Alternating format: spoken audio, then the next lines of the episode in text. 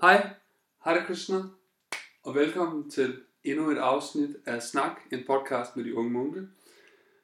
Du lytter til Madan Gopal og Gordon Tai. Yes. Vi er i studiet, og i dag der skal vi snakke om noget spændende. Vi skal snakke om reinkarnation.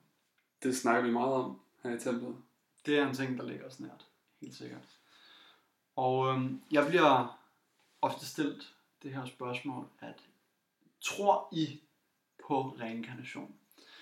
Og det er jo sådan et ret interessant sådan spørgsmål, hvis man tænker over det, fordi ordet tro, for mig, der er reinkarnation, øh, handler ikke som om at, at tro på det eller ej. Mm. Øh, for mig, der er det ligesom bare sådan, jeg har accepteret, at verden den virker, og noget, der sker med levende væsener. Til dem, der ikke ved det, så reinkarnation, det er filosofien, tanken om, at sjælen er et evigt levende væsen, som bevæger sig fra den ene krop til den anden krop.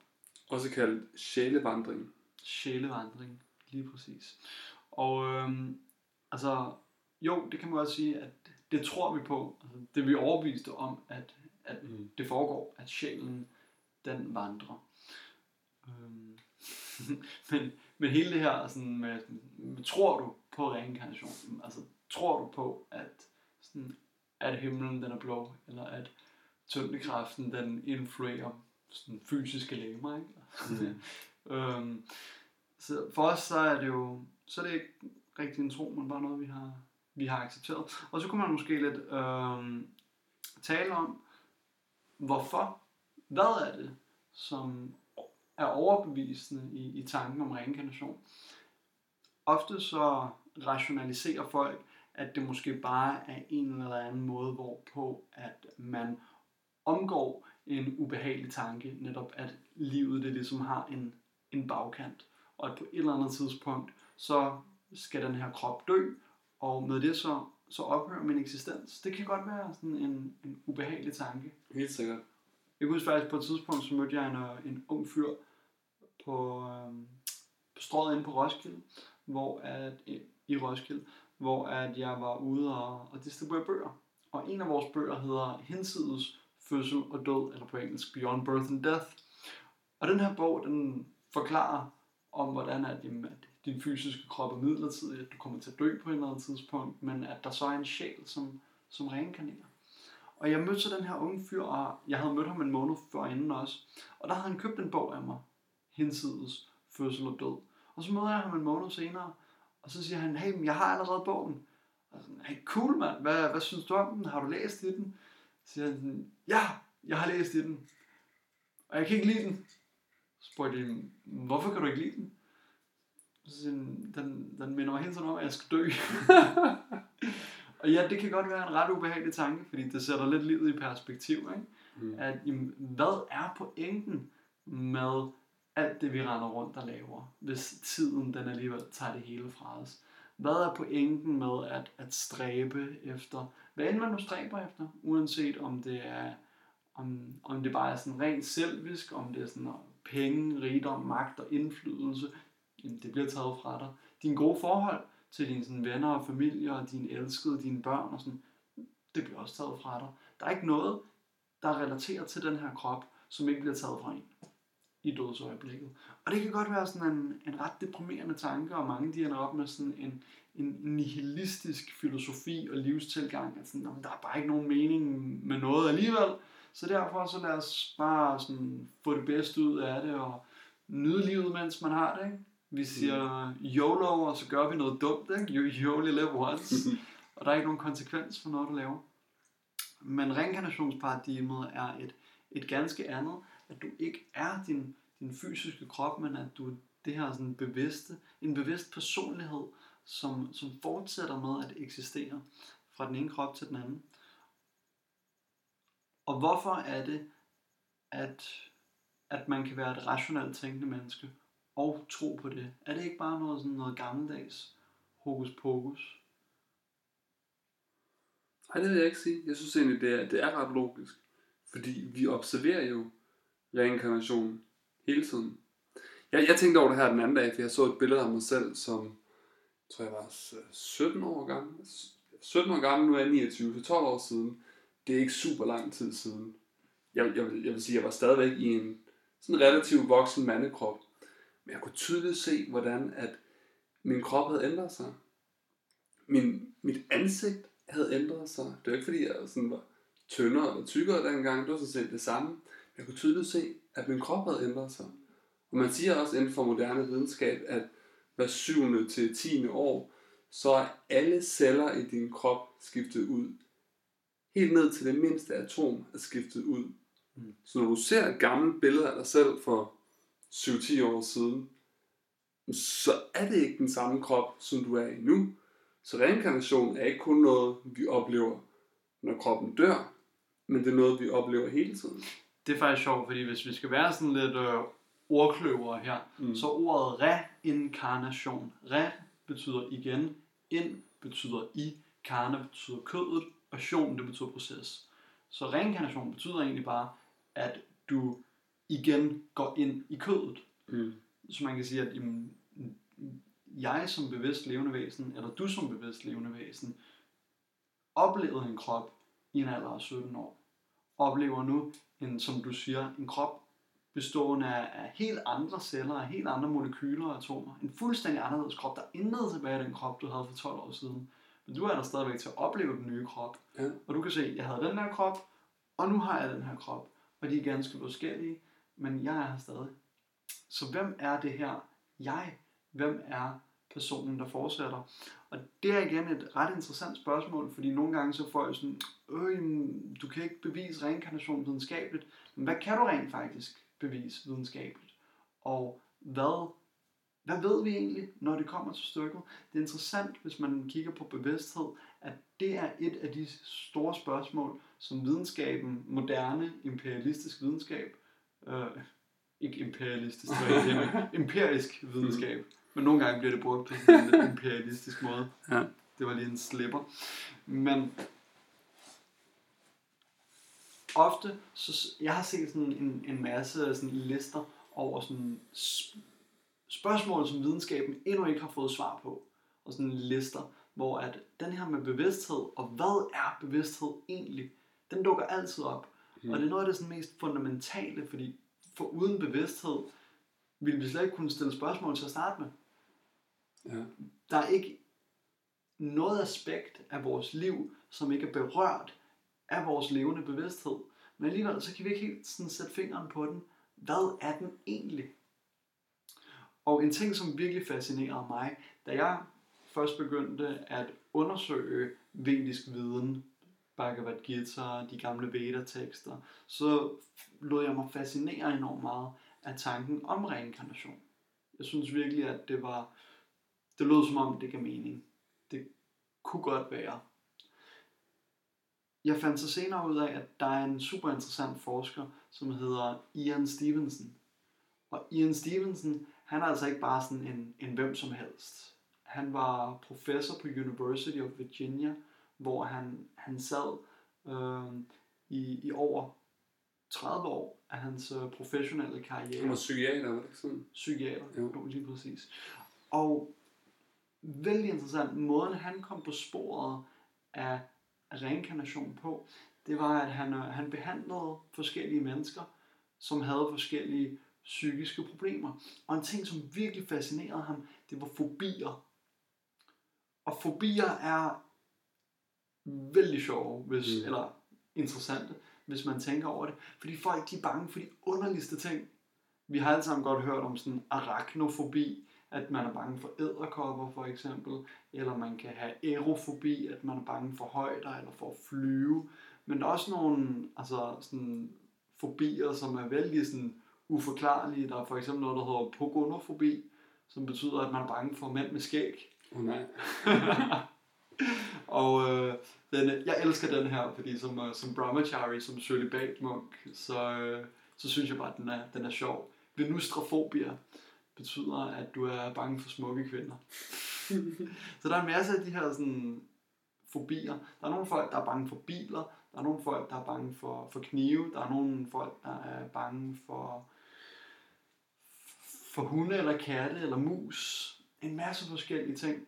Og så ham her, Ian Stevenson, han fandt ud af, at voksne mennesker, som har fobier, har det ofte på baggrund af traume, som de har oplevet tidligere. At, lad os sige for eksempel, hvis du som kvinde er forsøgt voldtaget af en skægget mand, jamen så kan det godt være, at der er sådan et, sådan, et, et posttraumatisk traume, der, sådan, der dukker op i dit underbevidste, når du ser en skægget mand, hvilket resulterer i en, i en red adfærd. Men børn, børn er interessante, især børn, som ikke har nogen traumer. Hvorfor er det, at et, et lille barn vil være bange for en skægget mand? Eller hvorfor er det, at et lille barn vil være bange for en, en hund, når et, et andet barn ikke er det? Hmm. Hvad er det? Hvorfor er det, at der er nogle børn, der er redslagende over for, for knive, uden nogensinde at have haft en negativ oplevelse med en kniv? Så det spørgsmål, det stillede Ian Stevenson. Og han undersøgte en masse forskellige forklaringer. Og på et tidspunkt, så kom han så på sporet af ja, tanken om reinkarnation. Og jamen, det kan godt være, at der har været et traume, men at det har været et traume fra et tidligere liv. Han interviewede en masse børn, som havde de her sådan, fobier, og så fandt han ud af, i meget, meget sjældne tilfælde, så er der børn, som har minder om tidligere liv. Det er vældig interessant. Og efter at Ian Stevenson han kom på sporet af reinkarnation, og han begyndte at undersøge det. Først så var han sådan ret kritisk omkring det, hmm. men han havde sådan en meget videnskabelig tilgang, ikke? så opsøgte de her børn og interviewede dem og udspurgte dem, og så prøvede at, at se, sådan, jamen, er der noget at hente her, eller kan vi rent faktisk sådan, øh, kan vi komme med andre forklaringer på, at de her børn, de snakker om deres tidligere liv. Kan det være opspændt? Kan det være noget, forældrene har påduttet dem? Kan det være noget, de er blevet indoktrineret til at tro på baggrund af deres sådan, religiøse baggrund? Og Ian Stevenson i mere end 30 år, så rejste han verden rundt og interviewede børn og prøvede at finde huller i deres historie. Og han fandt mønstre, at de her børn, jamen, de snakker om de samme ting. Det er de mm. samme sådan, typer historier, som de fortæller. Og faktisk i løbet af hans forskning, så fandt han mere end 2.000 tilfælde, som han kaldte strong cases. Altså, mm. igen, hvis at han fandt et barn for eksempel, som påstod, at øh, jamen, jeg, var, jeg var Julius Caesar, eller jeg var, sådan, jeg var Kleopatra, dem ville han ikke tage særlig seriøst. Men han ville virkelig studere de tilfælde, hvor at børnene de havde påstået at være sådan nogle helt sådan ubetydelige personer, som, som man ikke kendte til rent historisk. Og som fortalte sådan detalj, detaljer om, om deres liv og deres væremåde, deres familiemedlemmer og deres relationer. Og sådan. Der er så mange super, super interessante eksempler. Øhm, små børn, som, som savner deres ægtefæller, som nu er sådan 30-40 år ældre end dem. Der er et mm. super, super fantastisk eksempel, vældig vel dokumenteret, med en øh, lille pige, som hedder Shanti Devi, som øh, hun boede i, øh, i Indien, i Delhi, men i hendes tidligere liv, der påstod hun, at hun var en gift kvinde, som levede i byen Mathura. Og hendes forældre, de havde en masse problemer med hende, fordi hun nægtede at spise den mad, hun blev serveret. Fordi at hun påstod, altså i, i min familie, der er vi altså vegetarer og sådan noget, så jeg gider ikke at spise de serverede sådan tandoori-kylling for hende og sådan noget. Det nægtede hun. Det nægtede hun at acceptere. Og hun, øh, hun plagede dem hele tiden om at tage til Mathura, hvor at hun, øh, hun ville opsøge sin mand, som boede i det gule hus på den anden side af, af det var der Kadish-templet. Og, sådan, og gradvist, gradvist, så kom hun sådan med, med mere og mere information om sit tidligere liv, indtil at familien de rent faktisk opsøgte og fandt ud af, ja, den her mand, Kedaranath Pandit, som hun påstod at have været gift med, at han rent faktisk eksisterede. Og så da hun mødte ham, så blev hun vældig emotionel. Og det var sådan, det er en super, super interessant mm. historie. Der er skrevet en, øh, en biografi faktisk om hende, der hedder I Have Lived Before, af en engelsk journalist, nej, undskyld, svensk journalist, der hedder Leslie Kippen. Og han hørte om det her case. Og da han hørte om det her case, så prøvede han at modbevise det. Han ville sådan, han undersøgte sagen, og i sin søgen, så blev han overbevist om, at jamen, hende her Shanti Devi, hun har simpelthen levet før, og hendes mand var Ketananda Pandit. Der er ikke nogen anden logisk forklaring. Og Ian Stevenson, han har sammensat mere end 2.000 af de her tilfælde. Og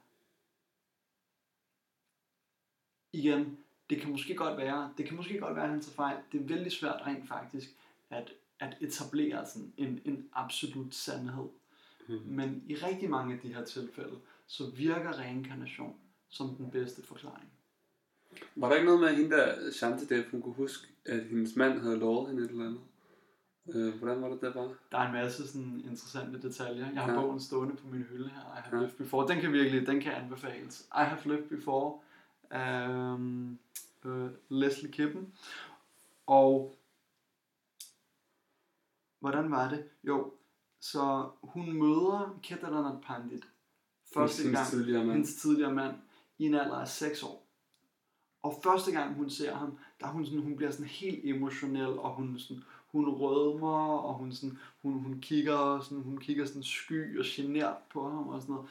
Og det er sådan den fremmede mand, som er sådan 40 år ældre end hende. Fuldstændig underligt, sådan en 6-årig pige. Men så Kedarnath Pandit, han har begået en, en gruelig fejl. Han er kommet til at tage sin nye kone med. Og Shantidev, hun spørger sådan, hvem er det der? og Kedarnath Pandit, han bliver sådan lidt puttet sådan on the spot. Og, øh, og han svarer hende, at, at det er min nye kone. Og lille Shanti, hun er bare sådan, hun er knust samtidig med, at, at hun bare bliver, bliver, sådan, bliver vred, bliver fornærmet, bliver rasende, som, som kun en ægte hustru kan blive det. Mm. Og, og hun spørger, hvorfor har du giftet dig med hende? Hvorfor, hvorfor har du giftet dig med hende? Hun var virkelig, hun var fornærmet. Hvorfor har du giftet dig med hende? Lovede du mig ikke på mit dødsleje, at du ikke vil gifte dig igen? Så og det er interessant, fordi prøv at søge på det. Altså Ian Stevenson, de her 2000 cases af dokumenteret reinkarnation. Fordi de her børn, altså, det er ikke bare, det er ikke bare historier, Ja. de fortæller. De, det er ikke bare noget, de fantaserer sig frem til. De er totalt følelsesmæssigt involveret med de karakterer, med de identiteter, de påstod, at de var. Første gang, at Shanti Devi, hun så hendes første fødte søn, hun døde faktisk i fødselssengen i hendes tidligere liv, hvor hun havde Lukti Devi. Så når hun endelig møder sin første fødte søn, den her lille Navnita Lal, som på det tidspunkt er et år ældre end hende, så, så løber hun hen, og hun omfavner ham med tårer i øjnene, og sådan siger, min søn, min søn. og lille Navnita, han forstår ikke, hvad der foregår, så han, Mm. han skubber hende væk og siger sådan, du er ikke min mor. Og hun er bare knust. Hun er bare knust. Hun løber bare grædende tilbage til, sådan, til, til benet af Kedron og Lal, og bare, bare sådan fuldstændig, fuldstændig knust. Fordi for hende, der er det hendes søn. Mm. Der, der er slet ikke nogen tvivl der.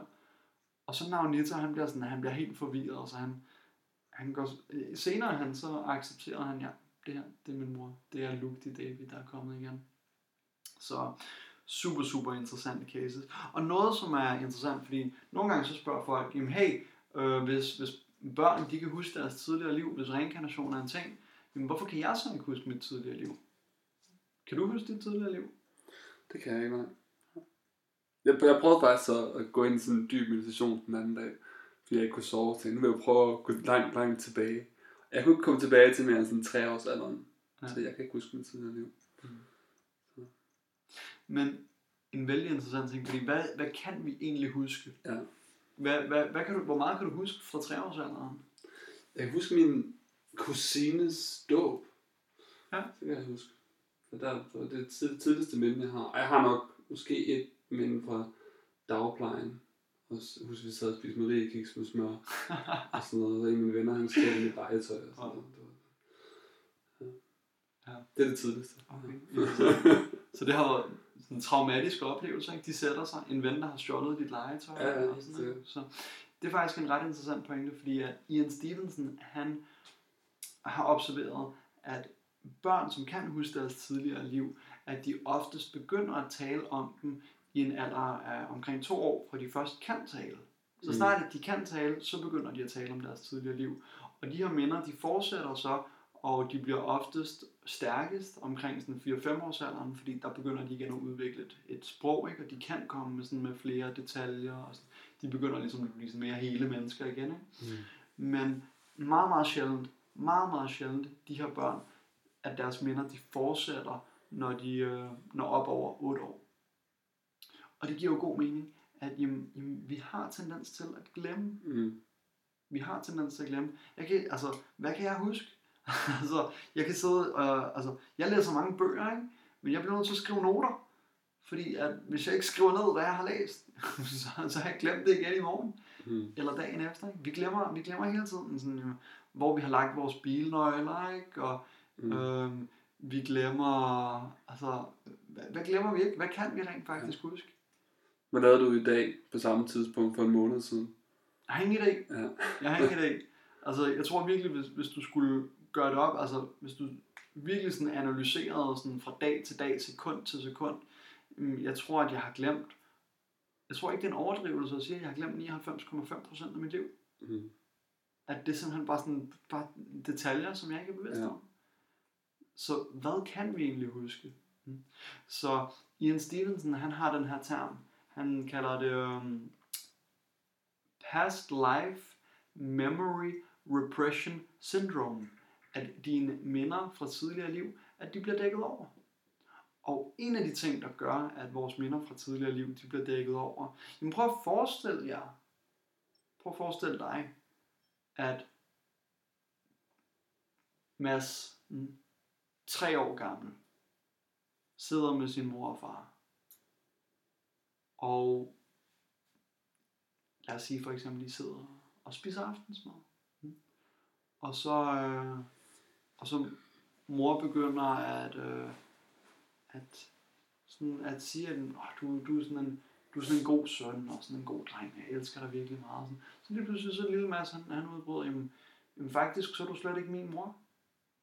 Jeg har en anden mor i Argentina, eller hvem ved, i, sådan i, i Hongkong, eller, sådan, eller i Somalia. Somalia, Norge, hvem ved? Mm. Det kunne være hvor som helst. Hvorfor ikke? Ja.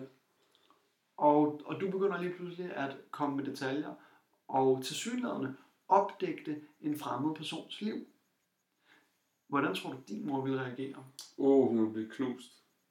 Mm. Helt sikkert. Hun vil blive, Ja. Knust. Og måske fortælle mig, at det, det, er, det er noget vås. Ej, det, jo, jeg er din mor. Hvad er det? Du har en god fantasi, eller sådan noget. Ja. Vil hun nok sige. Og hun ville tro på det. Hun ville tro på, at det her, det er bare din fantasi. Ja. Det er bare en historie. Hun vil ikke, altså, hun vil ikke, i meget få tilfælde, vil ens forældre rent faktisk tage en seriøst, Ja. hvis man kommer op med sådan nogle her minder. Så lige pludselig, så har du et barn, der er forvirret her. Barnet har minder fra et tidligere liv, men får at vide af sine nye forældre, at det her, det er bare min fantasi. Så tænker man måske, jamen, jamen, det, det, virker, det virker så virkeligt. Jeg kan, sådan, jeg kan se billeder fra mit indre øje, jeg kan høre stemmer, jeg kan huske, jeg kan huske navne og følelser og sådan noget. Men, men er, det, er det måske bare min fantasi? Mm. Og så igen, så vi får så mange nye indtryk, ikke? Der er sådan, at altså, livet er nyt, ikke? og så bliver du smidt i børnehave og nye venner, og Børnepsykolog, og så kommer du til psykiater. Får du noget, noget medicin, der dækker Ja. endnu mere over. Eller Ja.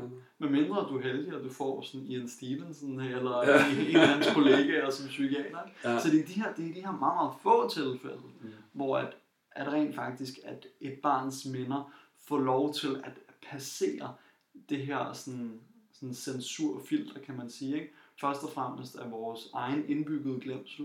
Det er en anden ting, det her med, at børn, der husker deres tidligere liv, at det ofte har været meget traumatiserende oplevelser, når de døde. Ja. Og du nævner det her med, at et af dine første barndomsminder er, sådan, er et, et traume fra, at, at en ven havde stjålet dit legetøj. Ja. Så en, en traumatiserende oplevelse, ikke? Eller det kan også være en stærk positiv oplevelse, ikke? Hmm. Marie kiks med smør. Uh. Ja, altså, det er, det er jo værd at huske, ikke? Ja.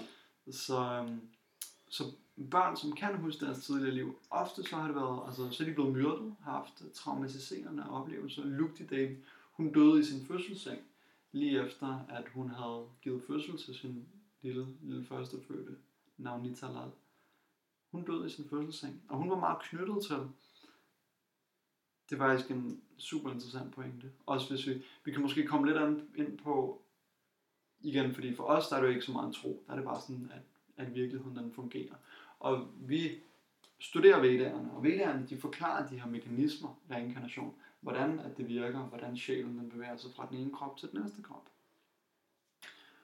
Og Krishna han siger en interessant ting. Han siger, at din næste reinkarnation afhænger af din bevidsthed. Yam yam vapi smaram bavam chayat yante kalevaram. At hvad du tænker på i dit dødsøjeblik, kommer til at afgøre din næste fødsel. Så Lugti Devi havde lige givet fødsel til sin første fødte søn. Mens hun mærker livet ebbe ud af hende. Og mens at hun er i gang med at forlade kroppen, hun får en nærdødsoplevelse først, så hun observerer sin egen krop, sit eget læme, liggende der på hospitalsengen. Hun observerer sin egen krop udefra. Og mens hun er i færd med at forlade sin krop, så kan hun observere sin bevidsthed. Og hun identificerer, det snakkede hun om senere han selvfølgelig hendes, hendes næste liv som Shanti Devi, hun kom med detaljer omkring sin død. Så sagde hun, at det sidste jeg husker er ønsket om at være en moder, om at være en kvinde, om at være hustru til min mand. Det var hendes største ønske. Så interessant, at hun så igen fødes i en lille piges krop. Fordi den lille piges krop faciliterer, at hun på et tidspunkt vil vokse op til at være en kvinde. Hvilket vil give hende muligheden for at være en moder. Hvilket vil give hende muligheden for at være en ægte hustru. Hvilket vil give hende ja, mulighed for at udleve hendes drømme. Så Krishna han siger, at det der afgør din næste reinkarnation, er hovedsageligt din bevidsthed. Og det er interessant for os hver især at vide, at vores bevidsthed, vi snakker ofte om bevidsthed, jeg kan godt lide at sige, at bevidsthed er den mest afgørende faktor for din lykke og for din livskvalitet. Og det er ikke bare det her liv, men det er i et perspektiv af evigheden. Ikke? Mm. Super interessant tanke, at universet rent faktisk er struktureret til, at vi som levende væsener, at vi har mulighed for at udleve vores ønsker. Så pas på, hvad du ønsker, fordi det kan være, at, at det går i opfyldelse. Eller i hvert fald så, at man, at man får mulighed for at, at udleve det. Ikke? Men der er mange af de her, af de her super interessante historier. Jeg anbefaler folk, at det er virkelig et, et kaninhul, man kan forsvinde ned i. Ja. Jeg anbefaler, hvis man godt kan lide at læse, så, så støv lige ham her, Ian Stevenson, op. Ja, han har, hans cases er så veldokumenteret. Mm. Og det er virkelig en lettelse. Altså det er virkelig sådan rart at studere det her. At lære om, hvor jeg er i den her krop. Og jo, min krop skal dø, men det betyder ikke nødvendigvis, at jeg skal dø. Tydeligvis.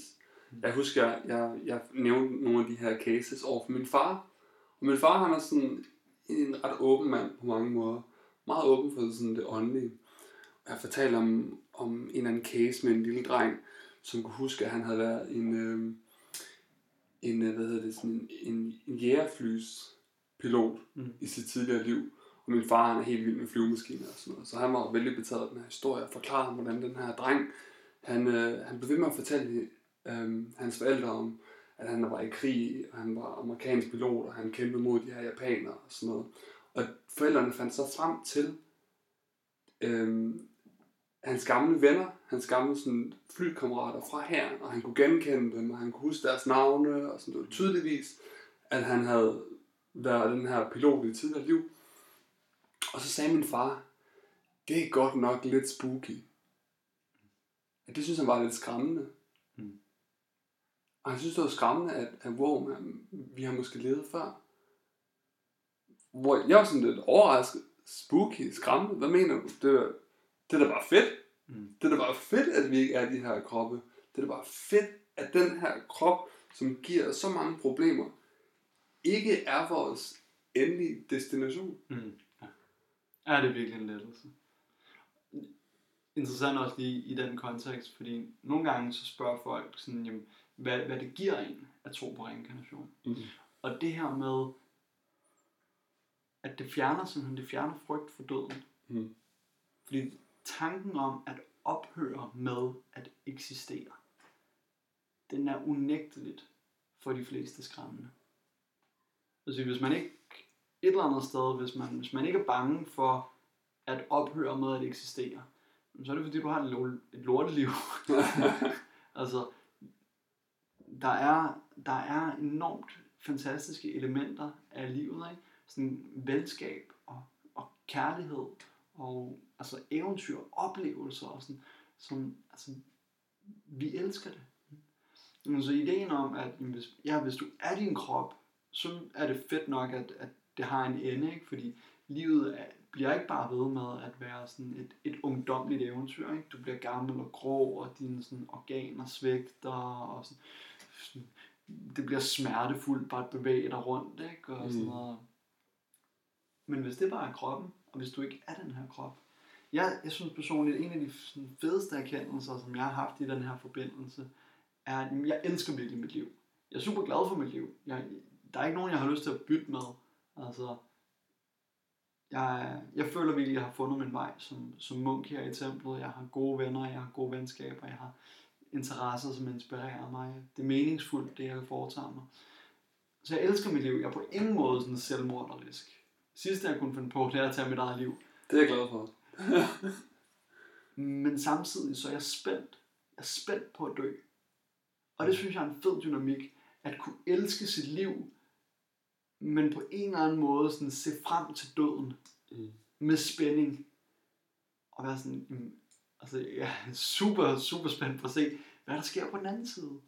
Igen, fordi det handler om, om bevidsthed. Mm. Og det, som vi praktiserer, Krishna-bevidsthed, er jo en, altså uden at sådan lægge låg på, eller gøre alt for meget rundt om den varme grød, men det handler jo om at blive bevidst om Gud, og at kultivere kærlighed til Gud. Og hvis du opnår perfektion, Krishna han siger i Bhagavad Gita, men så kan du vende tilbage til mig, så kan du vende tilbage til den åndelige verden, der hvor du kommer fra. Men hvis du ikke opnår perfektion, så siger han, jamen, så får du lov til at fortsætte, hvor du slap. Og det er også en tanke i forbindelse med reinkarnation, som jeg synes er helt enormt tiltalende, og som virkelig, reinkarnation putter så mange brækker på sin rette plads i, sådan, i, i livets store hele. For eksempel hvis du tager religioner og kigger på religiøse mennesker. Jeg havde vældig, vældig svært ved at acceptere religion før, fordi det fik Gud til at virke som sådan en, en nederdrægtig Sadist. sadist, som, ligesom, som, som forfordelte i blandt sine børn. Fordi lad os sige for eksempel, at, at kristendommen, halleluja, Jesus er vores eneborgne frelser, Guds søn, og hvis du accepterer ham, jamen, så er du garanteret evig frelse i Guds himmel. Halleluja. Fedt nok, hvis du er født og opvokset i en kristen familie, og at den kristne doktrin korresponderer med, med den kultur, som du ligesom vokset op i. At du vokser op, du er blevet konfirmeret, går i kirke hver søndag, og sådan, din familie bærer bordbøn og læser Bibelen og de her ting. Okay, fedt nok. Men hvis, hvis Jesus han er Guds eneborgne søn og vores frelser, så er det jo sådan ret surt at være den der sådan inuit, der sidder oppe på Grønland, ikke? der Mm. aldrig nogensinde har hørt om, at Jesus han skulle være Guds eneborgne søn og vores frelser. Så hvorfor den her forfordeling? Hvorfor er det, at Eskimoen aldrig har fået lov til at høre om Jesus, og at en anden er født med en sølvske i røven, og den rigtige tro oven i hatten? Og den samme, den kan du anvende på, på islam. Ikke? Hvis profeten Mohammed, han er, er Guds sidste profet, og du skal acceptere hans lære, for igen at vende tilbage på Gud, ellers vil du blive dømt på dommens dag. Og sådan. Jamen, så virker det tavligt, Mm. at der er nogen, der er født i en, i en ret troende familie, og der er andre, der er født som vantro hedninge. Og især altså, hvis, hvis at du får at forstå Guds ord, jamen, så skal du læse den på originalsproget arabisk. Ikke? Altså, så er det bare sådan, så er det tavligt, at det er nogens modersmål. Hvor at, så er der en eller anden sådan indianer ude i Amazonas junglen, ikke? som har ikke en jordisk chance for at høre om profeten Mohammed. Men med reinkarnation, så giver det lige pludselig mening Det gør det. at vi er født i en familie, hvor vi kan fortsætte, hvor vi slap. Vi er født ind i en, en kultur, som korresponderer med den kultur, som tiltaler os. Vi er født ind i en familie, der har værdier, som stemmer i overens med de værdier, som vi har udviklet som sjæl på vores niveau. Og at, at der ikke er nogen sådan, at der ikke er nogen ende på det. Det er ikke fordi på et eller andet tidspunkt, det er ikke fordi, at, at du fejler, at du er diskvalificeret. Du skal være, sådan, være religiøs og tro på den rigtige religion, ellers så er du fordømt i helvede for evigt. Nej, nej, du kan få lov til at, at, være, sådan, at være ateist, så længe du har lyst til. I, sådan, I et liv, to liv, ti liv, 100 liv, tusind liv. Mm. Du kan gøre, hvad end du har lyst til. Du kan være muslim i det her liv, og så kan du være buddhist i dit næste liv, og så kan du være Baha'i i det tredje, og sådan moonbevægelsen i dit fjerde. Ikke? Du kan gøre, hvad end du har lyst til. Du kan udleve alle dine ønsker. Liv efter liv efter liv efter liv. Men Krishna han siger, i sidste ende, i sidste ende, så skulle du gerne komme til mig. Så skulle du gerne komme til kærlighed til Gud. Og uanset hvilken religiøs indpakning det tager, uanset om man er sådan, om man er kristen og har kærlighed til Gud, eller om man er jøde og har kærlighed til Gud, eller om man har det Krishna og har kærlighed til Gud, så det er ikke så meget sådan, hvad du kalder dig selv, hvad du identificerer dig med, men det er, sådan, det er den kærlighed. Mm. Så det synes jeg er en, en vildt fed tanke i en kontekst af reinkarnation. At, at det fuldender, sådan det fuldender det religiøse paradigme. Hvis man kigger på religion, og man tager reinkarnation ud af ligningen, så er der i hvert fald i, i min optik så er der et eller andet, der ikke, sådan, der ikke stemmer overens. Det bliver hurtigt dogmatisk. Mm. Så, ja. Ja.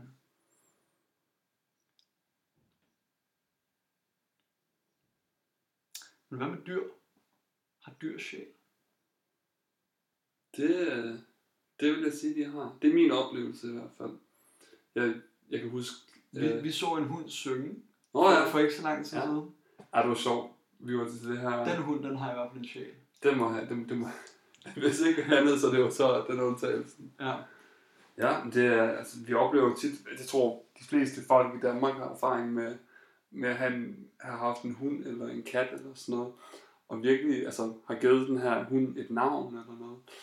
Jeg kan huske, øhm, jeg voksede op med, med både hund og kat. Jeg havde en hund, der hed Mille, og jeg havde en kat, der hed Oliver. Og jeg kaldte min kat Olli, og Olli og jeg, vi var virkelig, virkelig, virkelig tætte. Og den her kat, den havde totalt meget personlighed. Jeg husker, min mormor på et tidspunkt havde, øh, havde givet den noget, er det viskas, det hedder det, viskat? Sådan noget, Whiskas. Viskas, sådan noget. Katte ville vælge viskas. Jeg kalder det viskas, ja. Hvis, ja. Hvis de kunne vælge, ville de vælge. Og det, det gjorde den. Den elskede det her mad. Og det var aldrig noget, vi gav den, for det var, lidt dyrt, og sådan, sådan lidt fancy, det var sådan lidt slægagtigt. Mm. Mm. Så vi gav den bare tørfoder. Men så, så da min mormor stoppede med at komme med det her viskas, så blev min kat rigtig utilfreds. Så når, når jeg lå og sov om natten, og den ikke havde fået viskas, så gik den sådan hen, og så først gik den her sådan, så slikkede den min, min tog. Og så begyndte den at bide min tog. Og samtidig med den bed, så hævde den, tog den bare sin klør i mine fødder. Og begyndte bare sådan at bide mig, sådan, giv mig noget viskas. Og jeg vidste jo, at den ville have viskas.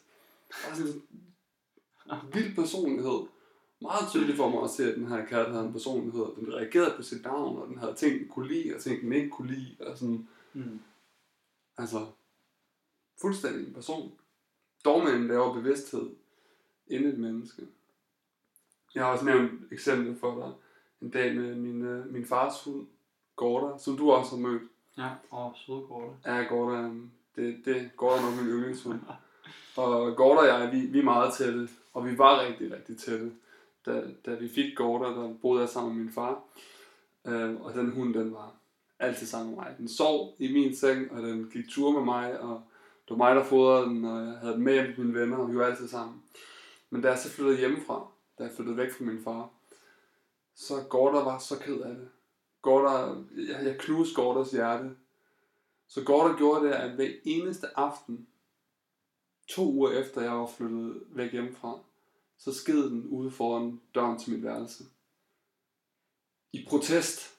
Den demonstrerede. Den lavede ordentligt Ja. ja, ude foran mit værelse. Bare Det- for at jeg i det mindste kunne komme og skælde den ud. For så kunne den se mig. Ja. Altså hvis det ikke er en person, hvis, hvis, hvis de stærke følelser bare er en funktion af kemikalier i hjernen, det, det tror jeg næppe på. Næppe på. Altså tydeligvis så har det her væsen lige så stærke følelser, som jeg har. Det er også sjovt, fordi hvis man kigger dem i øjnene, altså brug noget tid på at, Mm. at kigge en hund, eller en kat, eller et, et andet dyr. En ko, for så vidt. Ja, Køer har så meget personlighed. ja helt vildt. Kig dem i øjnene. Brug sådan brug 5-10 minutter bare på øjenkontakt med et dyr, og så sig til mig, at de ikke har sjæl. Så- Men en interessant spørgsmål, som så kommer op i, i kontekst af reinkarnation, hvordan fungerer det med dyr, hvis... Okay, okay, okay. Små børn kan huske deres minder fra tidligere liv og sådan noget. Det kan godt være, at der er nogle mennesker, der reinkarnerer. Men, men, men hvad med dyr? Hvis man er dyr, hvordan fungerer det, hvis, hvis min bevidsthed den fortsætter i, en, i den retning, som den har bevæget sig i det her liv. Okay, som menneske, så har jeg ligesom noget valgfrihed, ikke? Jeg kan løfte min bevidsthed gennem sådan meditation og gennem studier og sådan. Men hvad med dyr? Hvis du for eksempel, hvad, hvad kan vi gøre for Gorda, for at hun kan få en bedre reinkarnation i sit næste liv? Hvordan, hvordan bliver, hvordan kan vi, øh, kan, kan Gorda sådan opgraderes, ikke? Hvordan kan hun forfremmes Ja. i den her øh, samsara, i det her livshjul? Hvordan fungerer det? Jeg tror, du kan forklare bedre, end jeg kan. Noget Bhakti Sukriti og nogle ting. Altså en en interessant ting sådan fra det vediske perspektiv, er jo, at menneskelivet er specielt i det, at det faciliterer fri vilje. Og med vores frie vilje kan vi løfte vores bevidsthed igennem at gøre gode aktiviteter, bevidsthedsudvidende aktiviteter, såsom meditation og studier, omgås med kloge mennesker. Og sådan. Eller vi kan sænke vores bevidsthed. Det er der mange måder, man kan gøre på. Ikke? Man, kan sådan, man kan tage nogle rådsmidler. Ikke? Nu er det for eksempel lørdag aften. Mm. God dag at sænke sin bevidsthed. Mm, Det er der rigtig mange, der gør ud og smadre nogle hjerneceller i byen. Ikke? Så man kan løfte sin bevidsthed, eller man kan sænke sin bevidsthed, når man har fri vilje. Men dyrene, de handler jo bare på deres impuls. Så Shastra, vores skrifter, nævner, at når et menneske har misbrugt sin frie vilje, sænket sin bevidsthed på et, ned til et, et dyrisk plan, jamen så kommer man så til at tage fødsel i dyreriget. Og det er lidt ligesom, at hvis du som sådan fri borger i, i samfundet, at du har misbrugt din frihed til at begå kriminelle handlinger. Jamen hvis du bliver taget for dem, så ryger du i fængsel. Hvordan kommer man ud af fængslet igen? Man afsoner sin dom. Mm. Så dyrene udlever deres karma, hvor et mennesker vi genererer karma. Så når, når Gorda, hun er i færd med at udleve sin karma i de lavere livsformer, så når hun på et eller andet tidspunkt er færdig med det, når hun har brændt den karma af, så kommer hun til at fortsætte som menneske igen. Så det er igen det er sådan en, en ret fin tanke, fordi på den måde, så lige pludselig, fordi lige nu, så er der alt det her sådan, Black Lives Matters, ikke? Og sådan, ja, helt sikkert, men, men All Lives Matter. Mm. Altså, Helt sikkert. helt sikkert, der har været sådan super mange uretfærdigheder begået mod forskellige folkefærd øh, i, i navnet af, eller, altså, racistiske, racistiske adfærd, racistiske handlinger, slaveri og sådan nogle ting. Men hvis man kigger på, hvordan at menneskeheden behandler dyrene, vi behandler dyrene meget, meget værre, end vi behandler hinanden. Altså hver, hver eneste måned, så bliver der slagtet 20 millioner køer på planeten Jorden. Det er, sådan, det er ret vildt. Mm. Altså hvis, okay, hvis, hvis at der var nogen, der slagtede sådan 20 millioner mennesker på en måned, det ville komme i historiebøgerne. Men det sker hver eneste måned. Sådan hele året rundt. Og har gjort det de sidste mange år. Og det er bare kør. Hver eneste år, så dræber menneskeheden, slagter 90, jeg tror det er 91 milliarder dyr. Inklusive hvis vi også tæller sådan, altså sådan fisk og burhøns og alt sådan nogle Ja. ting. fuldstændig vanvittigt. Fuldstændig sindssygt. Fuldstændig vanvittigt. Så hvis man, hvis man forstår, at hey, det er levende væsener. Det er levende væsener, som har følelser. Så er det meget naturligt, at man også justerer sin adfærd. Ikke? Mm. Så nogle gange så spørger folk sådan, hvorfor skal man være vegetar og sådan noget. Jeg prøver altid at fokusere på, det er ikke fordi, at der er noget, du må, og der er noget, du ikke må. Men bare fokusere på din bevidsthed. Mm. Fordi hvis du bare sådan, hvis du justerer din bevidsthed, så kommer du også til at justere dit liv. Du kommer til at justere ja. din livsstil og alle dine værdier, og sådan, så falder det hele på plads. Så øh, jeg håber virkelig for, øh, ja, for menneskeheden, både individuelt og kollektivt, at vi vil tilnærme os en accept af læren om sjælen. Det er jeg sikker på, at det, at det på alle måder, alle måder vil komme os til gode. Og det gør livet så smukt, hvis man begynder at kunne, kunne se sig selv som et, et evigt åndeligt levende væsen, og kigge rundt på andre mennesker og andre levende væsener, Mm. og tænke, hvor inde i den her krop, så er der faktisk en evig sjæl. Mm. Den her hund, jeg kaler med nu, det er faktisk en, det er faktisk en sjæl, Mm. Ja. som har levet før og har følelser, Mm. og som også betyder noget. Lige pludselig så er livet ikke, verden er ikke bare sådan en, en tilfældig jungle. Ja, Lige pludselig så bliver det en skole i stedet for. Ikke? ja, En skole, hvor vi er ment til at lære. Ikke? Og det vi ultimativt skal lære, det er kærlighed. Så man kan sige, hvis, hvis livet det bare var en jungle, at det bare er ren konkurrence, ikke? Så er det legitimt, at vi dominerer de svage. At, at den hvide mand har underlagt sig Mm. den, den sorte, fordi at han måske var lidt mere sådan teknologisk udviklet eller sådan noget. Og hvis livet er en jungle, og der ikke er nogen mening. Men hvis livet lige pludselig er en skole, jamen, så bare fordi, at du går i 9. klasse, så betyder det ikke, at du skal mobbe dem, der går i 3. eller 4. mm. Nej, tværtimod, så skal man tage hånd om dem. Ikke? Fordi at hvis hvad, hvad end udviklingsstadie man er på, jamen så har man noget, som man kan give til dem, som er, som er lavere stillet. ja. Så nu sidder jeg her og bliver helt emotionel. Skal jeg have kram? Ja, det tror jeg. det er nok et godt tidspunkt at stoppe. Skal jeg det? Men øh, altså reinkarnation, det, det kunne vi jo snakke længere om. Og det er nok også noget, vi kommer til at vende tilbage til. Helt sikkert. Vi bliver nødt til, at vi skal have nogle, nogle børn i studiet, der kan huske deres tidligere liv. Og Ja, lad os snakke med nogle, øh, nogle rekreationsterapeuter og sådan noget, der kan hive folk tilbage i deres Mm. tidligere liv. Det var Ja. sjovt. vi kender faktisk en, så vi kan hive ham ind. Mm. Jai Dave. Mm, ja. Vi snakkede lige om ham under frokost i dag. Så det var, vi hiver ham ind en anden gang. Vi kan få ham på Zoom eller sådan noget. Tak fordi I lytter. Det var snak med de unge munke. Det går vildt til for os. Hej det Krishna. Hej det Krishna.